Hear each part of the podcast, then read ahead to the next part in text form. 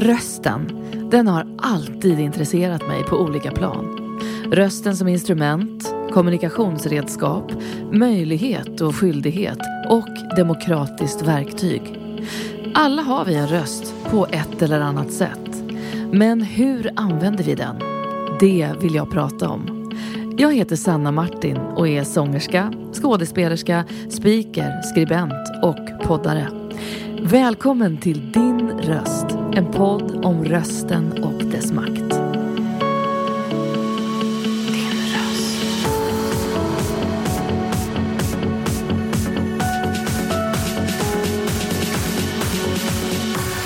Din röst. Ja men det är bra, vi ska vi börja då? Ja, vi kör. Ja, men det ger mig en stor glädje att få säga välkommen till min podd Din röst, Mohammed Ali. Tack så jättemycket. Vi sitter i Göteborg. Du Yes. är en eh, mycket uppskattad fritidsledare och grundare av fritidsgården Minimix i Precis. Hammarkullen i Göteborg. Yes. Och Det ska vi prata massor om. Jag vill göra en podd om hur vi på olika sätt använder våra röster, vårt Mm. engagemang och hur vi kan eh, påverka samhället med att både använda vår röst men också rent demokratiskt gå och rösta när det är val. Mm. Sen jag var liten har jag alltid drömt om att förändra Hammarkullen. Jag vill Mm. att mina barn ska växa upp här, gå i skola här, men jag vet också att grupptrycket i området är enormt. Mm. Så jag förbereder för mina barns framtid, kompisars barns framtid Mm. och skapar ett samhälle fullt av positiva ledare som Mm. skapar andra ledare. Precis. Här är ett citat från en intervju med dig för ett par år år sedan. sedan, Ja. Och du har ju sannerligen höjt och använt din röst för att belysa att det går att göra saker åt Mm. behov och problem vi ser. Vad ger det dig att vara en förlängd Mm. röst för barns trygghet i utsatta områden? Ja. Eh, vi kan börja med, jag brukar inte säga utsatta områden, för det är, det, det är polisens benämning på våra områden. Vad bra att du säger det direkt. Eh, ja, för att det, och de får absolut använda den, men jag tänker att det är fel att vi i resten har anammat deras begrepp på hur de kallar våra områden. Jag vill Precis. kalla dem ytterstadsområden Ytterstadsområden. eller socio, socioekonomiskt svaga områden. För det är sant. Jättebra, det är och- där, eh, det, det Precis. som stämmer. ja, Okej. polisen vill jättegärna använda de begreppen, men jag tänker det är fel att vi alla andra har anammat det. Absolut. Så, men jag, mitt engagemang, det är en väldigt bra fråga. Jag brukar alltid fråga mig själv vart den kommer ifrån. Och varför barn? Eh, jag har inget direkt svar på det. Jag vet bara att det glädjer mig att se andra glada. Det glädjer mig att, att vara det här extra stödet till, till familjerna för att vara med och hjälpa deras barn och hjälpa de, de, de aktiviteterna för barnen. Och inte bara aktiviteterna utan kunna hjälpa dem i det sociala också. Vara den här brobyggaren mellan samhället och föräldrarna, barnen och föräldrarna och så vidare. Eh, och jag tror faktiskt det började med att jag, var det, jag och min mamma är, är så här, alltså väldigt nära. Ja. Eh, så jag tror det kommer därifrån att jag har sett, okej, eh, min mamma är mitt allt och eh, jag, jag, vet, jag bara ger tillbaka till mitt område. Och det handlar om att hitta ny så här, motivation. Det började med att jag, jag lekte med barn, jag tyckte det var ganska roligt. Till att jag började förstå problematiken ännu mer. Och inte, och inte bara problem, problematiken i området utan även varför det ser ut så som det gör. Ja. Läste mer om Hammarkulls historia, hur kommunen sakta drog sig tillbaka. Och sen får vi ett område där det blir mer och mer, eller grövre grejer. Och där blir, det är då engagemanget växer ännu mer för det blir så oj, det är inte folkets fel då. Utan man förstår varför det ser ut så. Mm. Så det, man blir ännu mer motiverad för att hjälpa sitt område och höja den ännu en gång och försöka involvera eh, ja, med kommuner och resurser på ett annat... Försöka få tillbaka dem positivt då. Mm. Men vi måste lyfta oss själva. Sen har jag sett nu, jag är 28 år, jag började ganska tidigt. Eh, och man, har, man har sett alla de här ungdomarna jag haft är ledare nu. Eh, många av dem har haft egna event, har, har egna föreningar nu. Eh, många av dem är mina kollegor nu. Det är helt otroligt. Så det, det bara fortsätter, för du ser den frön du har sått och sen du har sett det bli en fantastiskt fin blomma. Och det är det som fortsätter motivera mig. Du föddes i Kurdistan 1995. Precis. Kom till Sverige som treåring förstod jag. Ja, jag blev fyra efter några, en månad. Aha. Och växte upp i Hammarkullen, Precis. här utanför stan. Vi Precis. sitter i Göteborg idag här, en eh, solig majdag. När du tänker tillbaka, Mm. hur var din skoltid? eh, jag kan berätta vad mina lärare tyckte. Eh, de brukar säga busig men charmig. ja, jag tänker det- så här, hur många grabbar passar inte det in på? Eh, Men det var det med mig. Och jag, jag vet att jag var ganska så här, alltså jag var bra, jag hade jättebra relation med alla mina lärare. Jag hade inte en dålig relation med en av dem. Eh, Men de, de visste hur, de, de hade faktiskt så bra relation med mig, men de visste hur, hur jag funkar. Eh, och, och sen förstod jag senare hand att det var ADHD. Men, för det var den här koncentrationssvårigheten. Jag har alltid varit smart, så här, duktig i skolan men det var den här just, jag kunde inte sitta still. Okej, så du, vet, du har diagnosen ADHD? Ah, ah, Aha. eller, ah, Eller du, du, du gissar? Ja, jag är på en utredning men jag valde att uh, inte Nej, mig. Men en annan jag historia. Det- Jag var ung, Ja. jag trodde inte på det här med medicinska. Och, Nej, nej, nej. nej. Så jag men så Men eh, koncentrationen var inte på topp? koncentrationen, precis. Och jag är hyperaktiv. Ah. Eh, Det där det. Men i alla fall, jag, har, jag var lite som jag sa, busig och ibland kunde jag säga grejer. Men jag hade alltid respekten så jag kom alltid tillbaka samma dag efter någon timme och bad om ursäkt och var verkligen så här ledsen. Så det var en balans. Eh, men jag var alltid jag var duktig, jag har alltid varit, jag har inte varit, jag har alltid varit mellan. Mm. Inte där nere, inte där uppe, utan mellan. Mm. Ni är sex syskon Exakt. i din familj. Ja. Du, eh, då tänker jag, fick du liksom kämpa för din plats och för att din röst skulle få höras hemma hos er? Ja, speciellt jag är mittenbarnen. Ja. Så det hade kunnat vara det, men jag hade inte det. Eh, väldigt bra familj. Eh, eh, mina syskon, min mamma och pappa. Speciellt min mamma, hon är, hon är den som bär upp oss alla. Mm. Eh, och vi alla nu vi alla är vuxna och vi har fortfarande jättebra relation med varandra. Vi pratar, det, vi är vänner Mm. mer än vad vi är syskon. Så vi pratar ut med varandra. Så jag har aldrig haft så här behovet av att prata ut. Eh, ibland när jag var yngre jag ville ha den här lilla tonårs eller så här ungdoms... Så här, komma hem och vara i sitt egna rum. Men jag, hade, jag delade rum med min lillebror och storebror. Eh, och när man tänker efter, jag ångrar faktiskt ingenting. Tvärtom, jag är tacksam för att min familj hade och gav oss den här så mycket kärlek Mm. och så mycket gemenskap att vi blev det vad vi lever idag. Så jag eh, typ så att jag kom hem efter en tuff dag i skolan och sen har jag... Det var jobbigt men det var också så här skönt för när man kom hem och till någon som tar emot en med kärlek. Verkligen. Och nu när jag växer upp och är, är mer vis än när jag var yngre och ser att det är många som inte har det där. Nej. Då blir jag ännu mer tacksam. Jag hade en röst och eh, där kommer fritidsgården, mixgården in i, i livet som jag kan berätta mer om. sen. Det måste du absolut göra. Ehm, men när man tänker på det här när, när, när temat eh, är liksom röst så Mm. tänker jag också ofta på det här att vi eh, är väldigt många som tycker att det är jobbigt att prata inför andra. Till exempel i klassen när man Mm. är barn och sådär. Hade du det jobbigt med det här att liksom tala inför andra? Eller, eller var du bekväm med det? Eh, jag var clown. Eller klassens clown. Så jag hade aldrig abs- absolut inte obekväm av att prata inför klassen. Nej, det. När jag var yngre så kunde jag kanske vara det. Men jag gillade ändå utmaningarna att prata. Mm. Eh, och sen här, med, med att jag var clown och var rolig och så vidare. Så lärde jag mig jättemycket i mixgården. Jag fick ta plats. Jag var med i, i olika gårdsråd där vi tog ansvar och tog beslut. Eh, så därifrån har jag växt. Eh, hela min, mitt, jag hade ingen direkt ungdomsliv som ungdomarna brukar ha. Eller Nej. har utan jag var väldigt engagerad. Eh, med barnen, med, med området. Jag var väldigt engagerad, kunde inte sitta still. Så jag är faktiskt, och jag, jag, jag sagt det innan också, jag är inte bara made in Hammarkullen, jag är en produkt av Hammarkullen.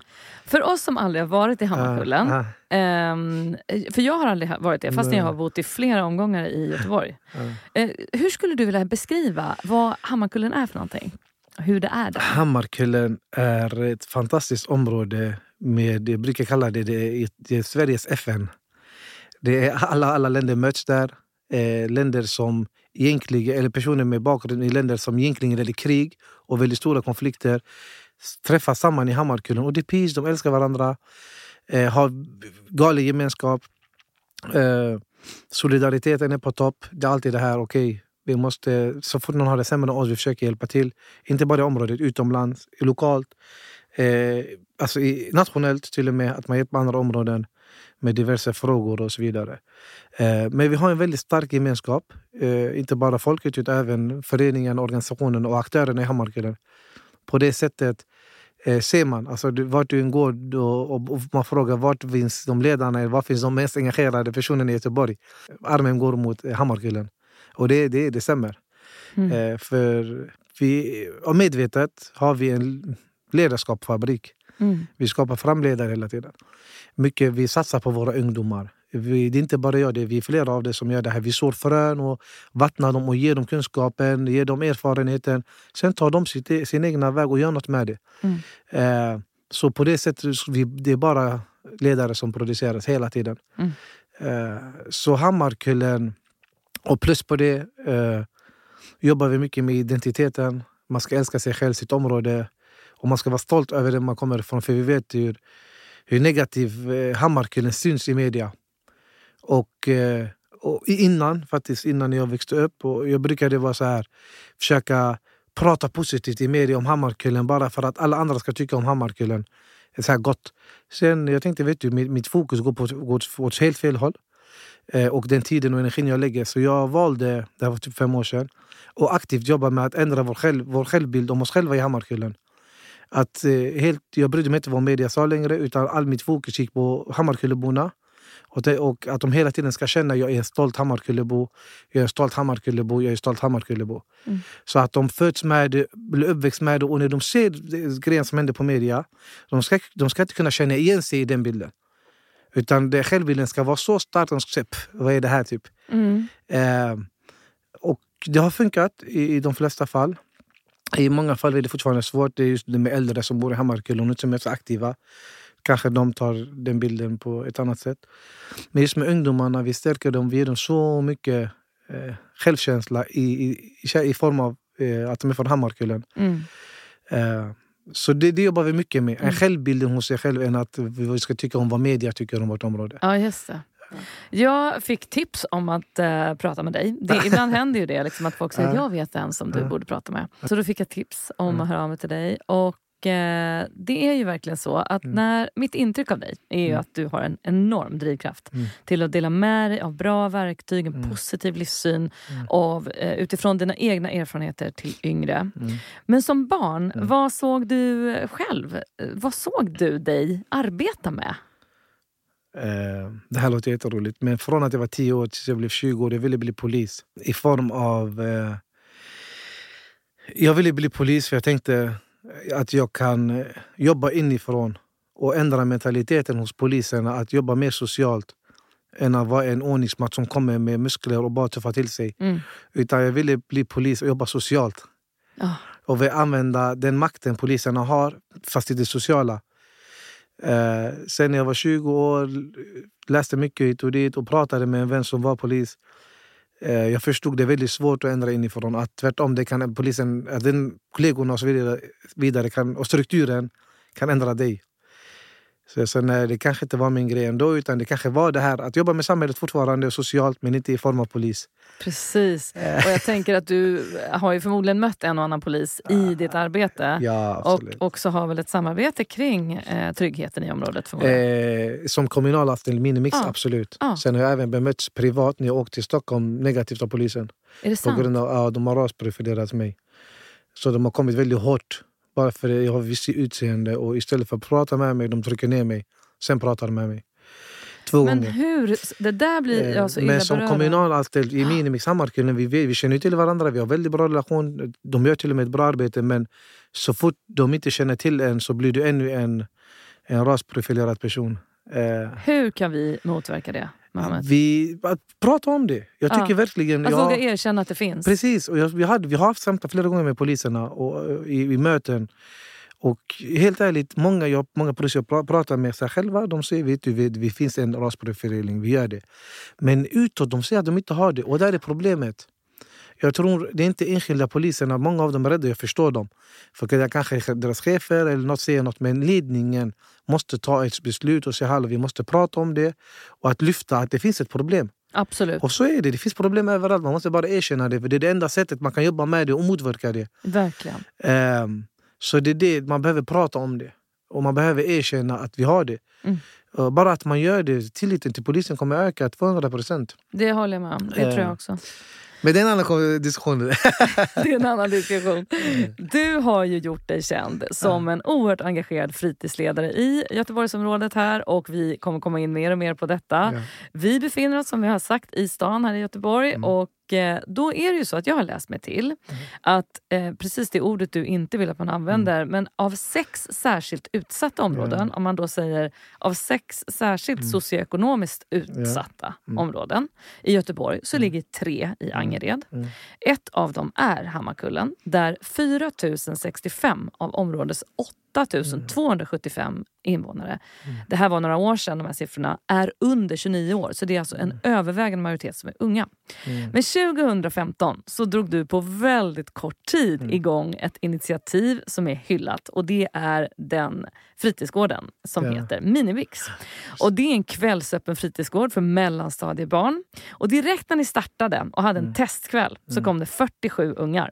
Och därefter har det bara ökat och är fullt av ungar som vill hänga hos er. Och då vid den här tiden var ju du bara 20 år gammal. Och vid den tiden ordförande i Angereds ungdomsråd. Och jag, det här är en fråga som jag känner att du redan har svarat på, som jag tror alla som lyssnar kan eh, svara själva. Att du, har du då alltid haft ett engagemang i att förbättra det du ser att du kan förbättra? Jag tror, ja, jag tror faktiskt det sitter i ryggmärgen någonstans. Eh, och helt ärligt, jag tror, inte att jag, är jag, jag tror inte att jag är född med det. Och jag vill, nu när man blir äldre, man tänker, eh, det är inte, oftast man brukar säga self-made, self-made. Men det är inte så, utan jag har på riktigt tagit med mig grejer på vägen där jag är idag. Så jag var väldigt aktiv i olika organisationer, jag var väldigt aktiv i Mixkoden. Så Mixkoden har lärt mig massa grejer och det har gått i, min, i det automatiska, omedvetna Mohammed Ali. Mm. Och sen har jag varit med på utbildningar och hållit utbildningar och automatiskt omedvetna Muhammad Ali. Och, varje grej jag har gått på och varje förening eller organisation jag, jag har engagerat mig i har format Muhammad Ali. Mm. Och på det sättet har det blivit Muhammad Ali. Ja. Eh, så jag, jag self-made innebär att jag hade gjort allt själv, men jag har inte gjort allt själv. Jag har fått så mycket kunskap, fått så mycket hjälp av organisationer, eh, vet inte, mitt engagemang. Mixkoden har varit A och O i, i den jag är idag. Så det har varit grejer som har kommit och tillsammans har det format det jag är idag. Mm. Det vill säga en produkt. Eh, och Minimix var faktiskt eh, under den tiden jag var väldigt aktiv i området. Plus att jag, men skolan gick inte så bra för helt ärligt i gymnasiet. Eh, gick inte alls bra med, med bra betyg, sista året speciellt. Jobbade mycket. Jobbade på äldreboende och eh, psykiatrin på sjukhuset. Mm. Eh, så jag hade två jobb också i samband med det här. Och det var, man, jag behövde pengar i fickan och mitt engagemang var Hammarkullen då. Eh, sen fick jag en idé. Jag hörde av mig till min bästa vän. Sa lyssna Belaj, vi måste... Vet, min lillebror din lillebror de hänger i- De hänger inte i dåliga miljöer utan det var bara att lyssna, låt oss göra någon aktivitet, låt oss hitta på något för dem. Så du såg de yngre barnen Precis. i området, bland annat din egen bror, De fyra- att de de inte hade någonstans att vara? Ja. Och Det var så det började? Precis. Och du vet den här diskussionen den är väldigt vanlig nu. Jag har hört den, alla har hört den, vi måste jobba mellanstadiet. Ja. Jag lovade 2015, ingen pratade om det. Nej men Du har helt rätt. Jag har en flicka på mellanstadiet Mm. och vi fick mejl förra året om att de hänger i olika gallerier Precis. och att det blir rörigt och Precis. parker. Och då är de bara 11-12 års åldern. Så du har ju Exakt. absolut eh, Ja. liksom identifierat Ja. en problematik som gäller i många områden. Precis. Och det här var innan folk pratade om det. Jag kan till och med se vad folk pratade om det när jag startade Minimix. Eh, 2015, ingen pratade om mellanstadiet. Fokuset var 13 till 15 år. Okej. Det varje år de sänkte. Förr, förr i tiden kanske det var 16 18 Ja, ja, år. precis. Och sen man sänker och sänker. Eh, så när jag såg behovet jag tänkte jag, du vet, eh, allt blir synligare. Negativa förebilder blir synligare. Eh, och hur ska vi se till att man ser de positiva, positiva förebilderna? Vi måste lägga dem, för det finns massor med synliga förebilder. Ja. Eller massor med förebilder, men de är inte synliga. Nej, du har helt rätt. Så jag och min vän pratade. Eh, vi gick till Mixgården och sa lyssna, vi har tänkt så här. Hur, kan vi göra? För de, har, de sitter på erfarenhet. De har Du jobbat måste, 25 du år. måste berätta, Mixgården, det är Ja. alltså Mixgården- till Minimix som finns eh, också för äldre barn. Mixgården är en fritidsgård, eh, också kommunal, från 13 till 20 år. Aha. Funnits i, de hette Hammarkullens fritidsgård hela tiden men för 25 år sedan de bytte namn. Och för 20 år sedan ändrade de sitt arbete helt och det är därför de sticker och, alltså mest ut i hela Sverige på fritidsgårdar. De har en annan mentalitet och en annan, eh, de har ett annat sätt att jobba som fritidsgård. De ser att de inte bara är en fritidsgård utan de är en samhällsbyggare. eh, Och, eh, ah, Så, Så- deras attityd Ja. fanns liksom redan som en 100%. god kraft i ert område? Precis. Och det här är en kommunal verksamhet. Oftast när man pratar om mixgårdar eller minimix, Folk tror vi är ideella organisationer för vi är så utåt. Men vi är faktiskt en kommunal Ja, verksamhet. det är Och- jätteintressant. Och med. kommunen borde faktiskt lära sig av vårt arbete. Absolut, och hur ni har samarbetat med kommunen. Precis. precis. Alltså vi, är, vi, är, vi Ja. är kommunen, vi är Göteborgs stad. Ja, precis. Eh, Så det är ganska roligt hur, hur vi ser när kommuner bjuder in så stora organisationer och pratar. Och sen har de sina egna och mixkoder som är jättestora i, i Stockholm ja. som de kan använda, använda sig av. Men... ehm, Men, Ja. men om man backar bandet då. Eh, om man tänker när du var ung, Mm. då hängde du på Mixgården precis, själv. precis, ja. Och fick kompisar, fick ett sammanhang, Mm. folk som trodde på dig Mm. och så vidare. Exakt. Och sen efter ett tag så såg du att vänta nu här, det behövs Mm. göras något för de yngre. Ja. Hur liksom, när du bestämde dig och hörde av dig till din kompis där, hur gick ni tillväga? Vilka var det ni liksom hörde av er till? Hur jobbade ni fram det här? Ja, jag kan berätta steg för steg. Eh, jag, eh, jag på jag jobbade i skolan, jag jobbade inte i skolan den, den tiden. Utan jag hade varit sommarvärd. Det var, vi gjorde aktiviteter för barnen. Eh, via Mixgården då. Så jag var ganska ung ledare. Ja, Jag var 18 år då.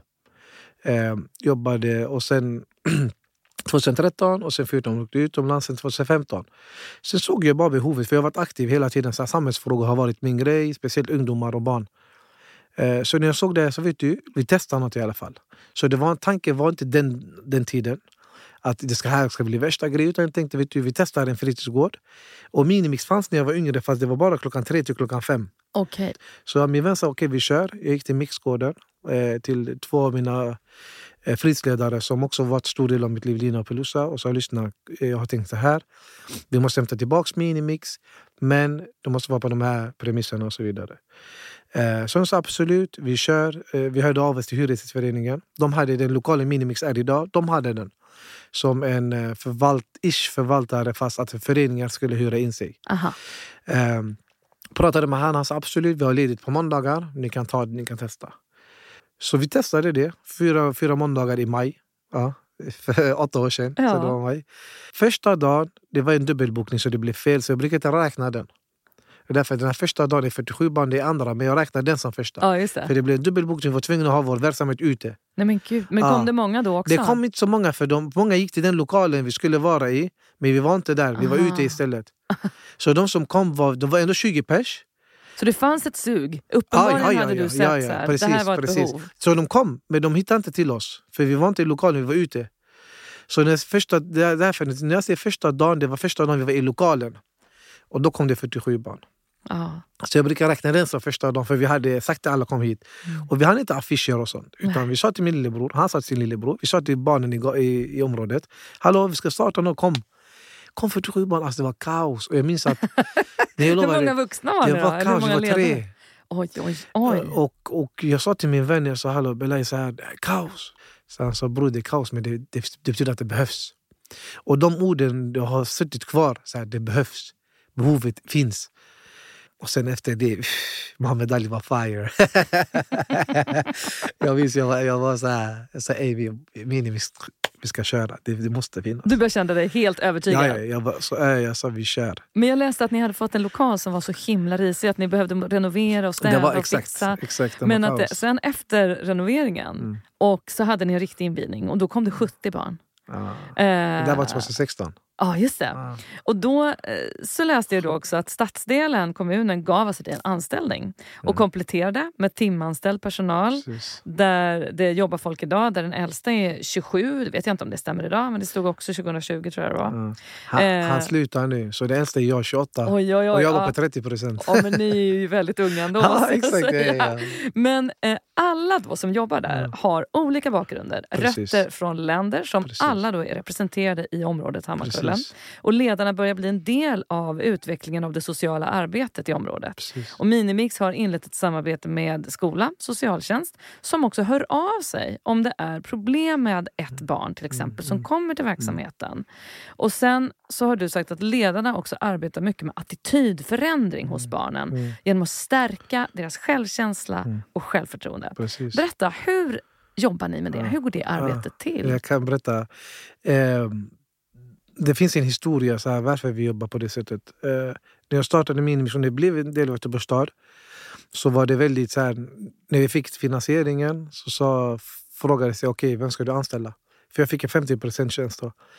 Och sen valde jag personer som jag vet har ett genuint engagemang som kan ställa upp gratis. Så jag valde personer som kan se, om jag hade frågat om okay, kan jobba så här, de hade ställt upp ideellt.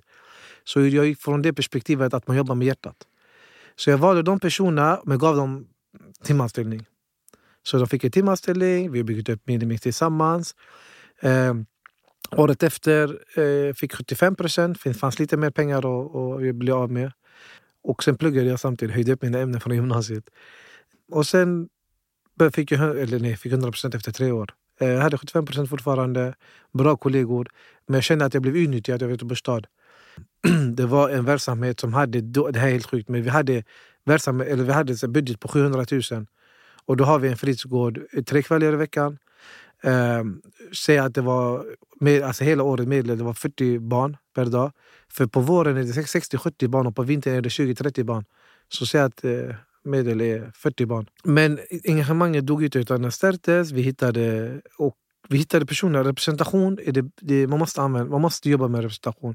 Är du, har du ett företag, har du en förening vad du än har, du måste jobba med representation. Du måste anställa inte bara personer från, som har de etniciteterna eh, eller de bakgrunder som området har utan även i, i religion, även i trosuppfattning, sexuell läggning, i, i, i sportintressen. Helt ja, ärligt. Ja. Du måste ha, du måste, vi kan inte bara ha alla fotbollsspelare. Nej, precis. Utan vi måste ha olika sportpersoner, olika intressen. Så representation i nästan alla frågor, eller alla fronter måste finnas. Eh, vi, så vi använder oss av det. Eh, mycket att vi måste representera området. Eh, och personerna ska helst vara från området eller ha kännedom och eller varit aktiv i området på något sätt. Så basically det vi gör är att vi hittar, eh, vi ser att det finns ett genuint engagemang hos någon ungdom eller lite äldre i Hammarkullen. Och sen ser vi pratar om det och tänker okej, okay, det här kan vara en person som behöver en formell ledarskap. En formell förebild. Eh, för oftast när man är så genuin, man är eldsjäl och så vidare, man, får, man, är mer bara, man är bara engagerad. Mm. Men Minimix har fått en så status att när du blir anställd så blir du förebild automatiskt. Mm. Så vi anställer personen, den får sin formella förebild. Och, eh, eh, när jag var yngre brukade jag alltid säga, hade varje gång vi hade anställda, vi brukar, vi brukar säga, okej okay, bara så du vet, du må jobba så fem timmar i veckan eller tio timmar i veckan, men du jobbar 24-7. Mm. Eh, för att allt du gör, din karaktär, vem du är, hur du pratar, det är ett jobb. Barnen mm. ser upp till dig. Barnen, Oavsett om de träffar dig på Ica? Oh, eller? Exakt. Ja, så du, du, måste vara en positiv förebild. Och det var det det har alltid varit mitt mål. Och jag har en tioårsplan, jag har två år av den planen kvar. Det här var när jag startade Minimix. Att, som du sa i början, mm. he, alltså bygga så mycket positiva förebilder uh. och så mycket positiva ledare att det ska inte finnas ett behov av det.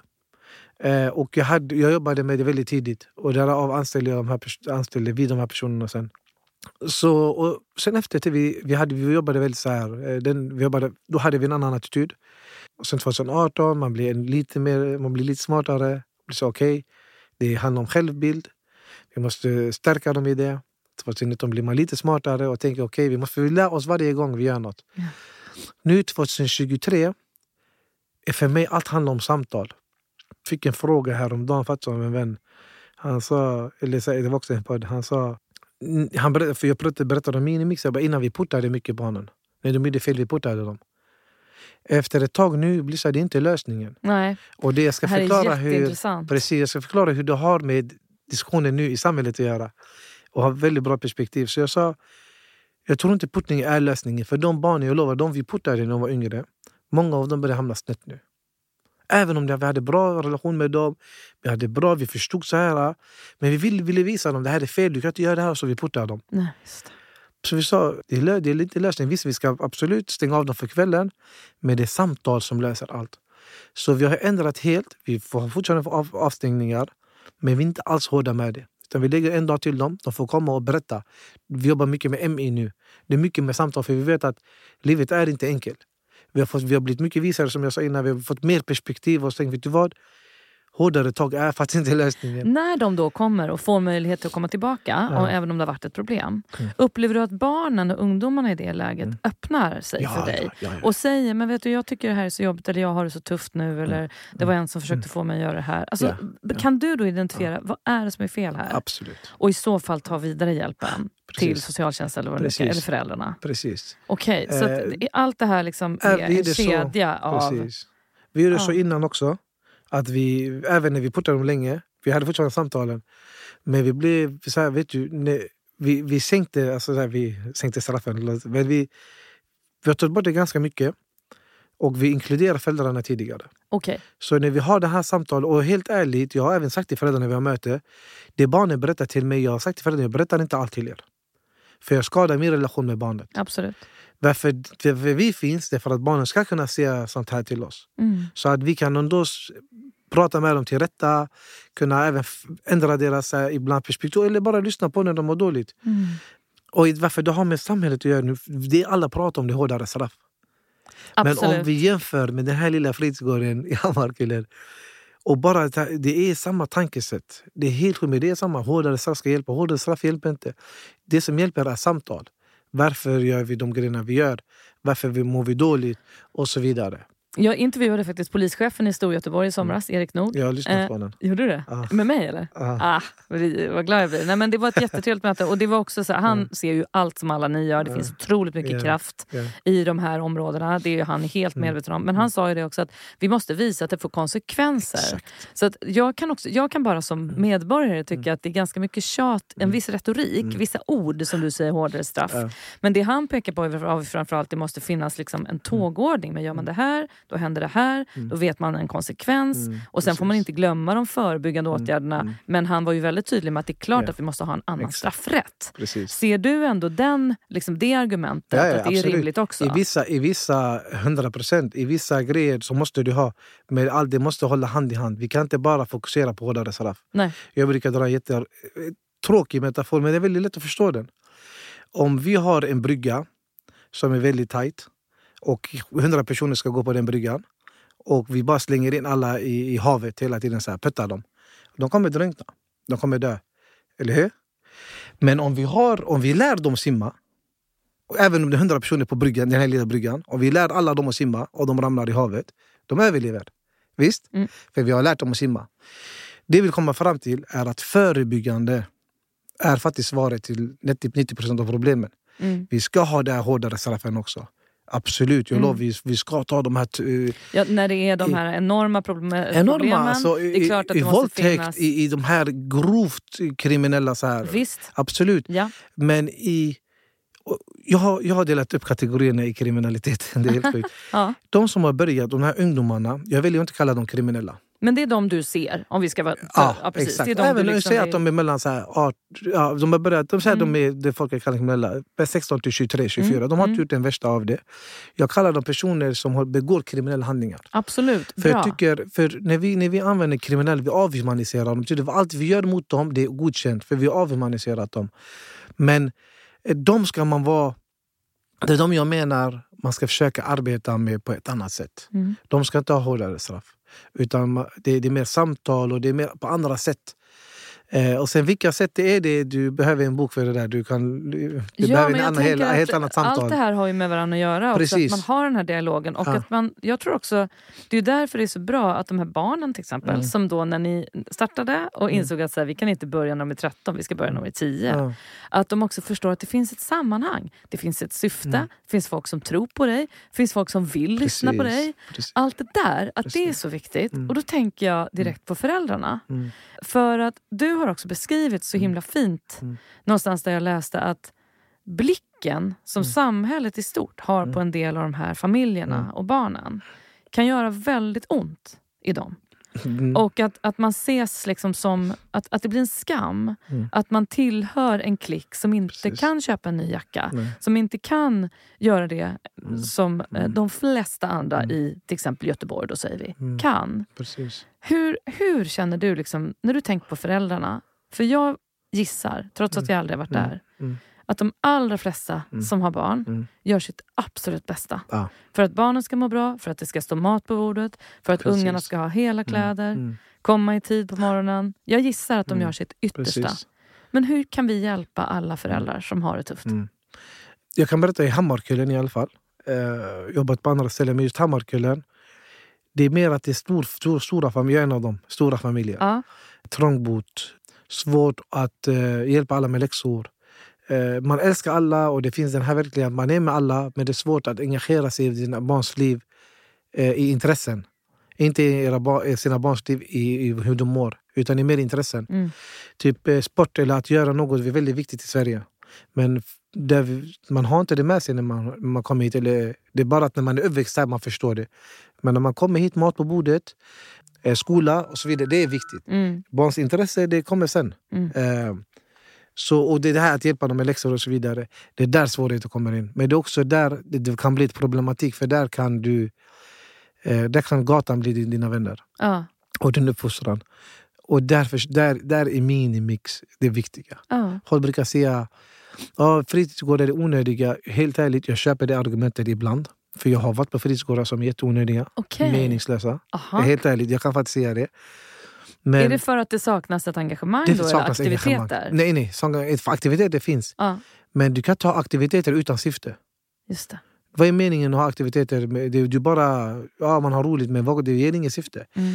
Eh, Aktivi aktiviteterna mm, eh, fritidsgården eller verksamheterna gör ska ha ett syfte. Mm. Du ska göra aktiviteterna eh, för att skapa relationer med ungdomarna och barnen till det större och till det viktigaste. Så aktiv aktiviteterna ska vara ett verktyg, inte bara en grej. Åh, vi har gjort det här. Men vad är det för syfte de, har haft, eh, de här aktiviteterna har haft? Eh, och det är ännu en gång vad jag sa innan. Vi försöker vara den som jag brukar säga, vi vara den förlängande armen av föräldrarnas uppfostran. Och det jag menar där är att föräldrarna matar det här med, ja, det är deras föräldrar, de lyssnar och så vidare. Och vi är barnet det andra. Den andra stödet, läxhjälpen, prata om deras intressen. Eh, försök att gå upp i början när de provtränar på Mm. någonstans, gå med dem där. Så försöker den, vara den förlängande armen. Och det föräldrarna missar i, i sin uppfostran med barnen som är viktigt, Mm. det försöker vi ta, i- ta igen.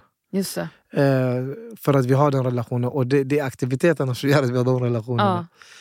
Ja. Eh, så det är mycket och det är därför för jag tycker fritids, många fritidsgårdar i, i kommunen, inte bara i Göteborgs stad, jag säga, i Sverige, borde fråga sig själva så här. Borde jag jobba här? Eh, jobbar jag här för att det är bara det är roligt, det är enkelt jobb för lönen och man har så mycket att göra? Eller jobbar jag här för att jag behöver finnas för barnen och ungdomarna? Mm. Eh, Ja, det är väldigt relevant. Verkligen. Ja. Men du, jag, jag läste om en historia att du hade eh, du har nämnt att helgerna kan vara ja, ganska jobbiga för barn som bor i i bland annat de här områdena. exakt. Eh, för då saknas skolan som ett sammanhang och Mm. även fritidsgårdarna. Och att rastlösheten ledde en gång till att 15 av dina ungdomar så att Ja. säga sprang in i den lokala kiosken en helg och Ja. skapade kaos. Ja, Och två veckor efter den händelsen så fick du reda på det här. Eh, och då hade du samlat in dem och frågat vad de hade gjort och sen fick du dem att förstå att det här var helt fel. Så var och en av dem tog du med till kioskägaren och såg till att de bad om ursäkt och hjälpte till. Det här, då, då måste jag återigen så här, vad får du i ett sånt läge Ja. för respons av föräldrarna? Ja. Den dagen jag sa något till föräldrarna. Eh, jag var yngre, jag tänkte vet du, min relation, om jag säger till föräldrarna. eh, Jag hade hotat och sagt hallå, händer det en gång till jag kommer säga till föräldrarna. Okej, Och det hände inte en gång till. nej. Så Men det, det, det handlar om då? balans. Eller- nej, vet, om, du, om du säger, det var grabbar. Ja, jag tänkte så Eh, taskig det var grabbar, det var grabbar. om, om, om, eh, om vi ser alltid föräldrarna, då, då förlorar vi relationen med barnet, helt ärligt. Ja, det är. Och det, jag, jag, är väldigt, jag är väldigt mån, så inte jag vill dölja något för föräldrarna. Jag är väldigt mån och säger bara så ni vet, jag, berättar, jag vill inte berätta allt till er för jag förlorar, precis. förlorar relationen med ert barn. Så det är inget jag döljer. Men jag vet också vad jag ska säga och vad som jag känner. Och jag, hade faktiskt, det var en förälder, jag vill inte stå här och berätta "Ah, allt är så fint. Jag hade en förälder som sa du gör fel. Du måste berätta allt.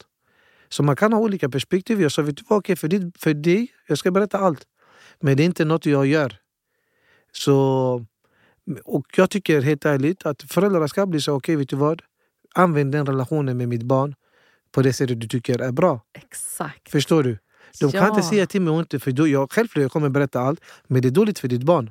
Bara så du vet. Och det här var bra föräldrar, det är inga dåliga föräldrar. Nej, nej, nej. Men de, om de har så mycket kontroll på sina barns liv, det är då barnet blir något dåligt, jag lovar dig. Man ska inte ha för mycket, man ska, man ska, det handlar om balans. Och nu vill inte gå in i föräldrauppfostran, jag har inga barn själv. Men jag menar bara att man ska väldigt mån så här, eh, lita på sina barn och lita på den. Eh, och speciellt om ett barn ser upp till någon, en positiv förebild. Man ska låta den förebilden i alla fall vara med, eller ledaren vara med där och hjälpa till. Jag tycker fortfarande man ska ha en kommunikation, man ska prata. Men i det här fallet faktiskt, i, nu i efterhand, jag hade kunnat säga till föräldrarna. Det hade jag faktiskt, för det är ändå stort. Även om barnen hade blivit arga i den situationen. För det var något, det var fel. Det här var en situation, det här var den två veckor. Jag blev arg för jag, hörde, jag brukar alltid veta dagen efter. Ah, Två okej. veckor är jättelång tid för mig. Verkligen. Ja, men det är en- så insatt Exakt, men det hände en annan situation med, inte samma barn men hälften av de barnen, det var åtta personer. De busade i fruktaffären. Och typ tog två cola, men de drack inte, så de bara slängde dem så här, spruta. Mm. Och jag fick reda på det samma dag. Det där, var- där var jag snabb. eh, tog in barnen. Jag jobbade inte så mycket med MI då. Utan jag Vad sa du med MI? med MI. Det är motivational interviewing, det är samtalsmetod. Just det. Eh, jag gjorde inte så mycket då, utan jag skällde ut barnen. Där jag, var, jag var 23 år då. Jag skällde ut barnen, jag skrek på den så här, så här ja, Det är fel. och Det var mer, jag försökte få dem att förstå. Det var fel. Nu jag försöker barnen att förstå själva. Men eh, så tog jag ut en hundralapp. Jag bara, här vet du vad? Det här är min hundralapp. Ni ska ta den till affären och ni ska skämmas. Ni ska betala tillbaka för era handlingar. Eh, och de gjorde det. De gick till affären, bad om ursäkt, de betalade hundringar. Sen han ägaren, han bara nej. Ja, men ni behöver inte betala. Det är fel, ni är små. Det här kan leda till... Det här var väldigt bra pedagogiskt. Wow. Sen barnen ger pengarna till mig. Så nej, det handlar om att eh, de har gjort ett fel. De ska, de ska betala tillbaka det felet de gör. Mm. Om, om det hade hänt nu, jag hade inte blivit så arg. Jag hade blivit mer ledsen och besviken. Jag tror barn, barn tar mer när en förälder eller, eller någon vuxen är mer ledsen och besviken än när de är Mm. arga. Absolut, det tror jag. För de, det är mycket hjärta när man är yngre. Mm. Eh, och då, då blir man... Det, det är känslor som kommer in och sen det, mer, det blir ett samtal. Varför gjorde du Vad fick du att göra det? Just det. Och sen vi jobbar mycket med skalor bara för att de ska förstå själva. Kände du att det var grupptrycket, vad det var grupptryck eh, från skala 0 till 10? Just det. 5, okej. Varför är det för skala 5? Känner du att det var ditt inre som ville göra det här för adrenalinet?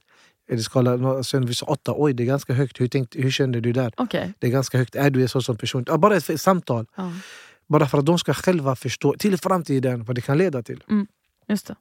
Ja, vi kan faktiskt ta ett exempel eh, i, nu, i, nu, i nutid. För några månader sedan jag jobbade heltid på Minimix. Eh, I, november, I september var det.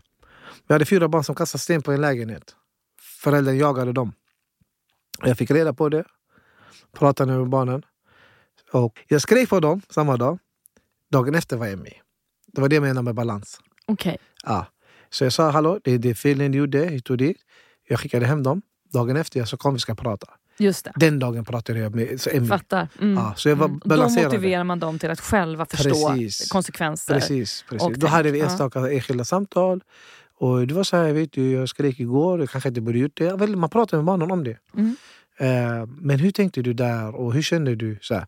Bra, och sen, vi hade ett samtal, jättebra samtal. Eh, sa inte till något för föräldrarna heller. Det hände en gång till. Inte med alla fyra barnen, utan en av barnen var med en annan grej. Han kastade. Då ringde jag hans mamma. Ja. Så du måste balansera det. Alltså, gud, man, man, jag får så många Ja. funderingar när vi pratar. Dels så tänker jag på de här barnen. Om vi tittar på de yngre då, som Mm. du träffar allra mest kanske. Eh, I alla fall i er verksamhet. Mm. Vad skulle du säga är deras största utmaningar? Deras största utmaning, alltså det finns... Alltså vi, nu kan vi inte generalisera så jag kommer ta den Nej. stora gruppen däremot. Eh, Jag tror problemet är inte att det kommer hemifrån. Det som, du, som vi pratade om innan, kärleken finns hemifrån. Och det finns den här kärnfamiljen om man vill väl. Men eh, det behövs ändras i Hammarkullen. Inte av boendena utan det behövs finnas mer. Resurser behöver komma in. Och ibland när jag kollar på så här, eh, jag gillar att kolla ibland hur det ser ut i Hammarkullen och vilka som får pengar och så vidare. Tråkigt nog så finns det resurser. Det är bara att eh, både Göteborgs stad och de, de eh, kommunala bostadsbolagen och så vidare använder dem på fel sätt kanske. Eller använder dem på ett annat sätt än de ska. Och inte helt i det själva utan det är mycket av det. Så resurserna, om de hade fördelats rätt. Om det hade funnits simskola för alla, gratis, tillgänglig hela tiden. Så att föreningarna hade funnits föreningar eh, och det hade funnits bidrag till föreningarna och speciellt sportföreningarna. Och att man kan söka för sitt barn, som Majblomman, fast kommunalt. Att man kan göra det, för självföreningen måste också överleva i form av medlemsavgift och så vidare. Så man ska betala in medlemsavgift, jag tycker också det. Men man måste få stöd för det. Eh, Så det, måste finnas mycket mer tillgänglighet. För, alla måste göra sin, sin grej, helt Mm. enkelt. Mm. Så problemen, problemet är att det finns inte så många möjligheter som barnet kan få. Det är en möjlighet, det är ett problem. Och, och nu om, om det finns kanske en annan grupp som säger ah, vi är i Sverige, det här finns alla möjligheter. Om du tänker så, då har du inte sett antingen den verkligheten vi lever i eller så lever du i förnekelse. Mm. För det, det finns ett problem. Och jag har lyckats, men jag har också lyckats för att det fanns organisationer och Mixgården och mina föräldrar som trodde på mig. Jag hade kanske inte lyckats om inte det fanns den Nej. samhällsansvaret bland och engagerade människor. Mm. Det är bara att vi måste bli mer. Det måste bli mer... Eh, det måste komma ovanifrån mer. Mm. Politikerna måste genuint bry sig. Just det. Eh, de högre tjänstemännen måste genuint bry sig. Eh, och sen förutom de här samhällsproblemen som jag gick in på som barnens utmaningar. Så finns det de här utmaningarna självklart med eh, att de kan se negativa förebilder. Men det är något som vi jobbar så här med, Ja. mycket med. Och för att få bort de negativa förebilderna, vi behöver se till att de här negativa förebilderna gör dem, gör dem sysselsatta i arbete och så vidare. Just det. På det Precis. sättet minskar du negativa förebilderna Verkligen. Och sen ökar man synliga förebilderna när resurserna kommer in i bra. Ja. Jag Eh. tänker när vi pratar om såna här frågor Mm. Som till exempel segregation, Ja. integration. När vi pratar om det generellt i samhället så blir det ofta väldigt så fyrkantigt. Precis. Att vi vill hitta enkla lösningar Ja. på svåra problem Ja, och det går ju inte. Nej. Men vad, vad kan du känna att du skulle önska eh, att politiker och makthavare visste? Som Mm. du vet? Först och främst, jag hade bjudit dem, inte bara till Hammarkullen, för vi gick de studiebesök idag. De hade fått gå en utbildning. Eh, inte, som jag håller, inte bara att jag håller i den, utan eh, jag, ungdomarna, håller i. Helt ärligt, jag tror det hade gett dem jättemycket.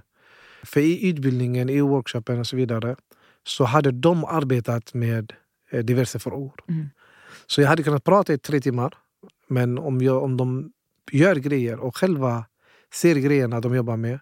Jag tror det kan ändra ett annat perspektiv för dem. Och Mm. ge dem ett annat perspektiv. Eh, för oftast de hör, hör, hör men ingen ser. Min, min, en kompis brukar säga till mig alla åsikter men inga insikter.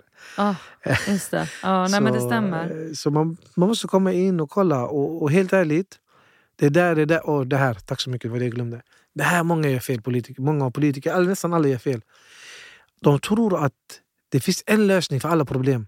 Det har inte det. Det Nej. är helt andra lösningar i Hammarkullen än lösningar kanske i Tensta. Mm. För, på riktigt. Ja. Kanske problem, problematiken ser kanske lika, olika, eh, lika ut. Men lösningarna ska, ska vara olika. Mm. Och sen vilka lösningar är en helt annan grej men det måste vara så. Mm. Problemet är att man vill fixa, ge en lösning till alla problemen i alla områden. Mm. Det kommer inte gå. Det kan gå, det kan gå i mer i... Säg att Hammarkullen, du kommer till Hammarkullen, du kollar problemen, du kartlägger problemen. Sen, det, sen kommer lösningarna in och, och vi har lösningarna.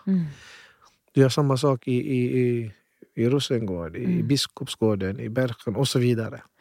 Man kartlägger områdets problem, områdets behov. I Hammarkull exempel, eh, vi, har, vi har så mycket fritid, fritidsaktiviteter och så mycket, så mycket förebilder att vår, kanske, vi, behovet kanske inte är där. Men behovet av fungerande affärer, fungerande skola kanske är stort. Sen om vi går till ett annat område kanske finns fungerande skolor och funger, finns eh, företag och affärer där som fungerar.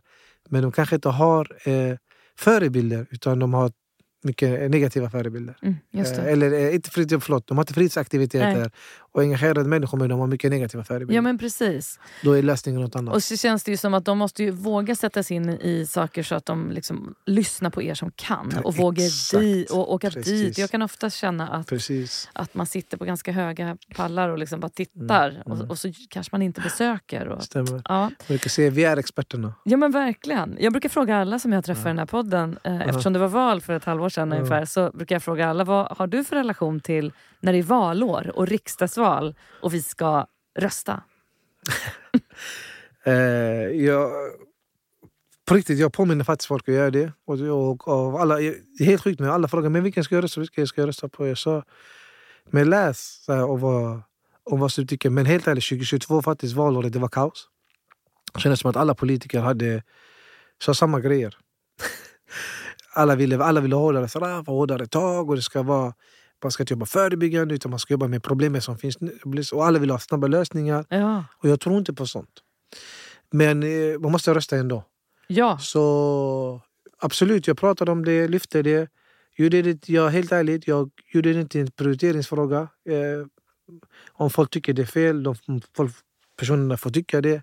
Om jag tycker det är fel, kanske, jag vet inte. Det viktiga Men- är ju att alla Men jag vet, får... att jag, har, jag vet att jag är en människa och jag vet att min, min energi måste, kan inte gå överallt. Den kan gå till några grejer. Mm. Och mitt fokus kan inte gå överallt, den kan gå till några grejer. Mm. Så jag, var, jag väljer att lägga energin och fokuset på ungdomarna och, och samhällsbyggandet. Mm. Tar jag bort den, om jag vill fokusera på valresultaten och eh, i politiska frågor Mm. då kommer min energi och fokus gå bort. Och det kommer gå till det där och det vill jag inte göra. Jag har Nej. fått förfrågan många gånger av människor. Ja, men jag blir politiskt aktiv. Men jag vet, blir jag politiskt aktiv så kommer mitt engagemang i det jag älskar dö. Eller Ja, inte dö, men minskas. det. Du behövs just Jag nu behövs, där precis. du är. Ja, Precis. exakt. Det är vi alla Så- väldigt glada för. Exakt, så just i politiska frågor, även om det är polit, det är politiskt parti jag håller med eller inte håller med, så är jag väldigt öppen. Jag har inte, jag, jag har inte så här, någon intresse i politiska Nej, frågor. Helt ärligt. Även om allt jag var med i politik, Ja, men allt blir liksom politik. Ja, men, men jag, jag, det är inte partipolitiskt. Nej, exakt. Är jag vill, jag vill vara partipolitiskt obunden. Ja, jag För förstår. jag, jag tycker även, säg att jag gillar en parti, jag har jättemånga grejer jag tycker, som jag inte heller tycker om i partiet. Mm. Så därför har jag sagt, vet du vad? För, för mig, jag behövs i det, i det arbetet jag Ja, gör. verkligen. Jag tänkte på det här ehm, när Minimix har visat sig vara ett väldigt Ja. bra och vinnande koncept. Det har ökat tryggheten för yngre barn Ja. och det gör ju också att de som går vidare till Mixgården sen har redan fått den grunden hos er. Eh, har ni fått mycket frågor om liksom att starta liknande grejer i andra städer eller hjälpa andra kommuner Mm. och göra något liknande? Ja, vi är kända i Stockholm, men inte i Göteborg. Men i Stockholm Eh, finns det något liknande, Mohammed? Gör det? Eh, inte som Minimix, nej. Nej.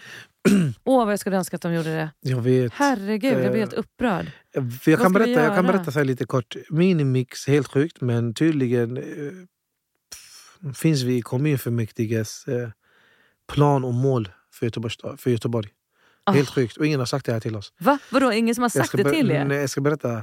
Det var en person som sa ja, min, Minimix, du vet att man pratar om er i kommun- kommunfullmäktige. Så, så, intressant Really? så här. På, på vilket sätt?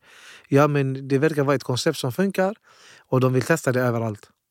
Hur ska du testa ett koncept utan att ha pratat med konceptägarna? Nej men jag smäller av vad korkat. Det är också så här, de pratar om er men inte Alltså- med er. Ja, och, så, och, och, och det här, jag ska berätta, det här det är sjukt. Och de, de startar i andra områden. Ja. Problemet är att de har gjort det helt fel. Men vad gör de när de gör fel tänker du? När man gör fel om man startar Eh. en fritidsgård för barn? De, de anställer personer som inte har någon aning om området.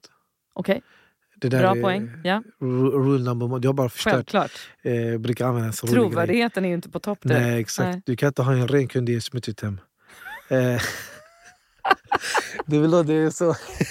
Exakt. Jag hade kudde framför mig därför. Men eh, det, är, det var en konstig metafor. Men, Ja, men jag fattar vad du menar. I alla fall, eh, en grej kan inte funka när resten inte funkar.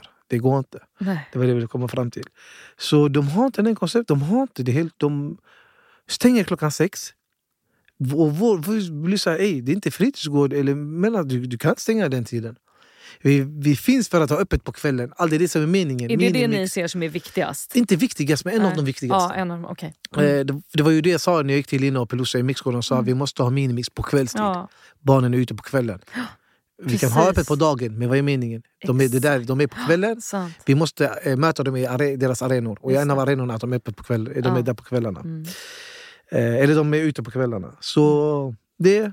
Jag jobbar inte med representation. Ja, jag kan berätta en hel lista. Men de, de, och ingen av dem har pratat med oss. Nej, det är så konstigt. Eh, Du, du ska få en fråga från en eh, gäst som jag hade i ett avsnitt tidigare. Mohammed, hej, det är Otto Drakenberg. Med det arbete som du lägger ner i Göteborg ehm, och den bakgrund du har så undrar jag hur skulle vi kunna få det du, det du håller på med och det du åstadkommer eh, att hända på många fler ställen i Sverige? Mm. Det där var en fråga från Otto Drakenberg som är en känd företagsledare och ordförande i Svenska fäktningsförbundet mm, som pratar väldigt mycket i sitt jobb om mänskliga rättigheter. mm. Och Det är en bra fråga. Hur skulle vi kunna göra för att det här ska kunna hända på Mm. fler ställen? Och då har du just sagt hur man inte gör.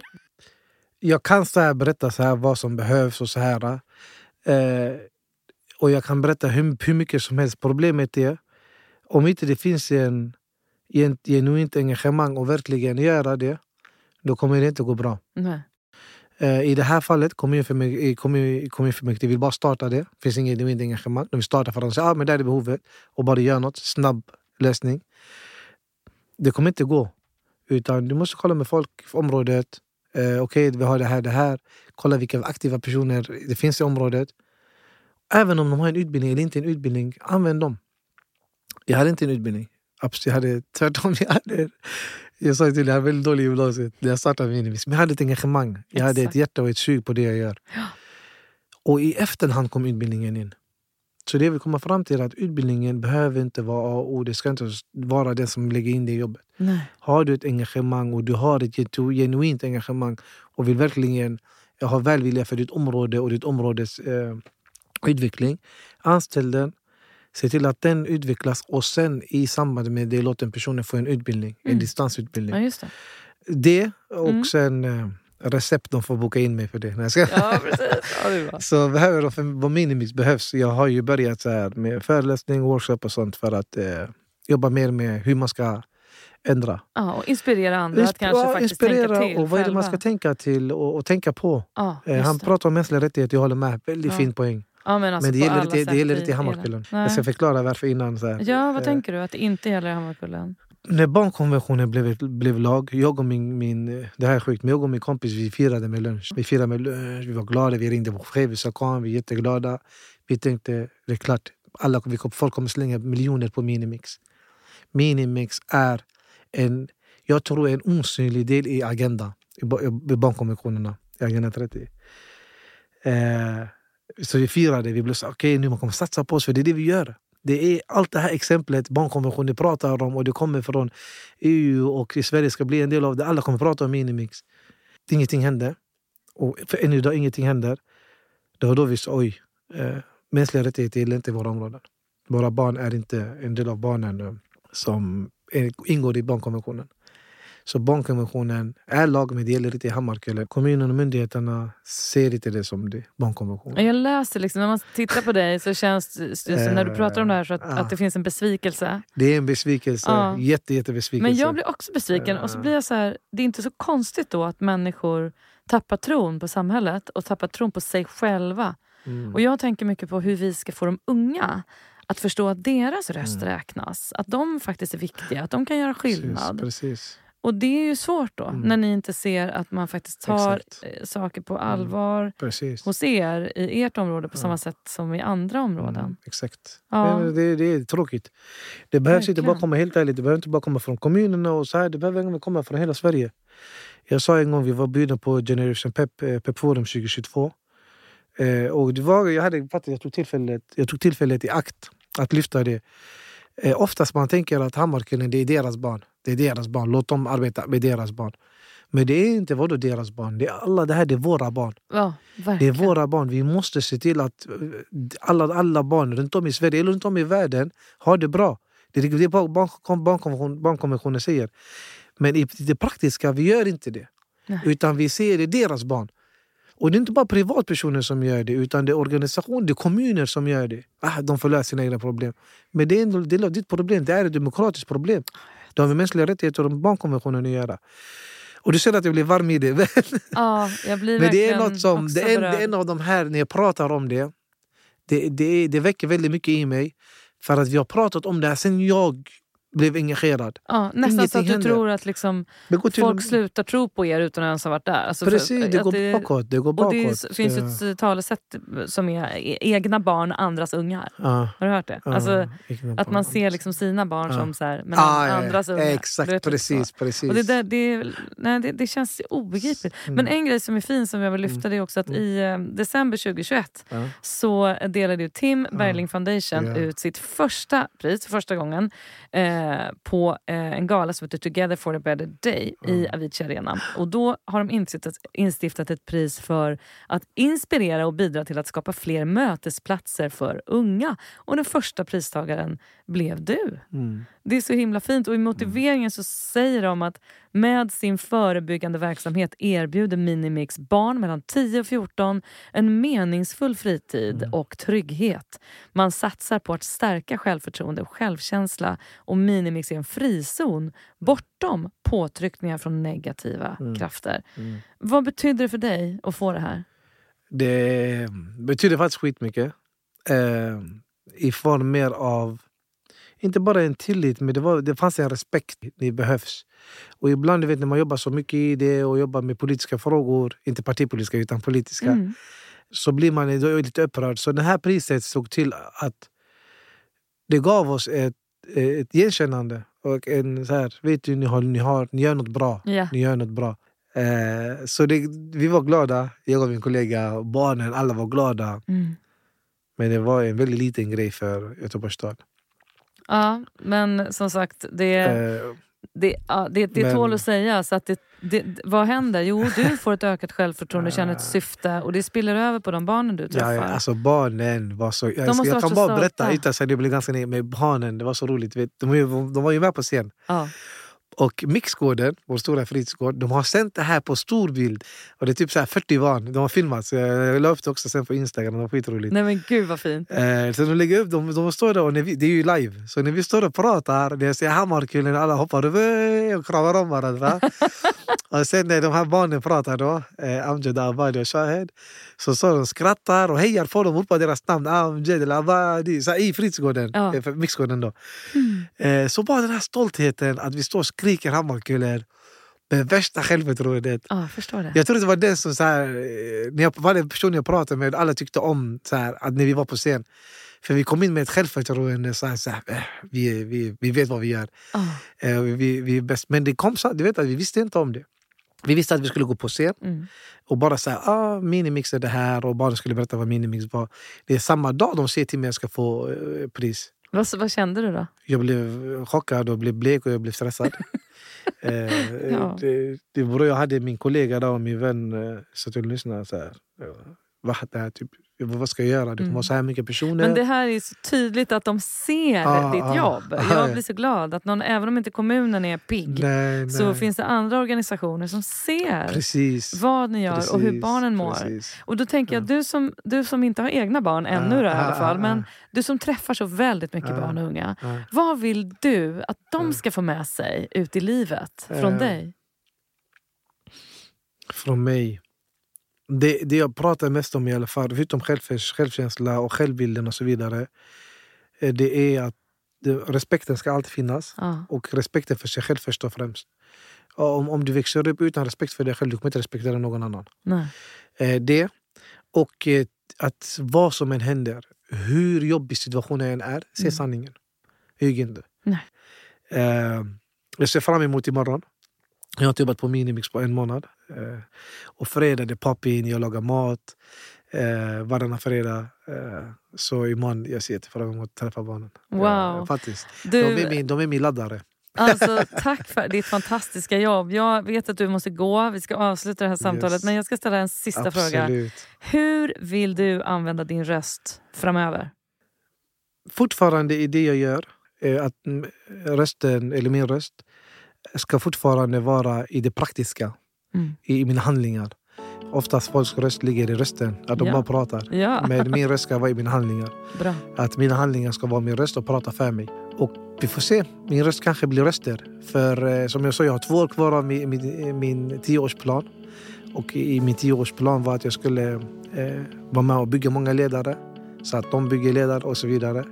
Och jag tycker än så länge vi har gjort det bra. Jag har två kvar av den. Sen ska jag göra en utvärdering hur det har gått. Ett mycket, mycket bra svar. Och hoppfullt, tänker Mm. jag.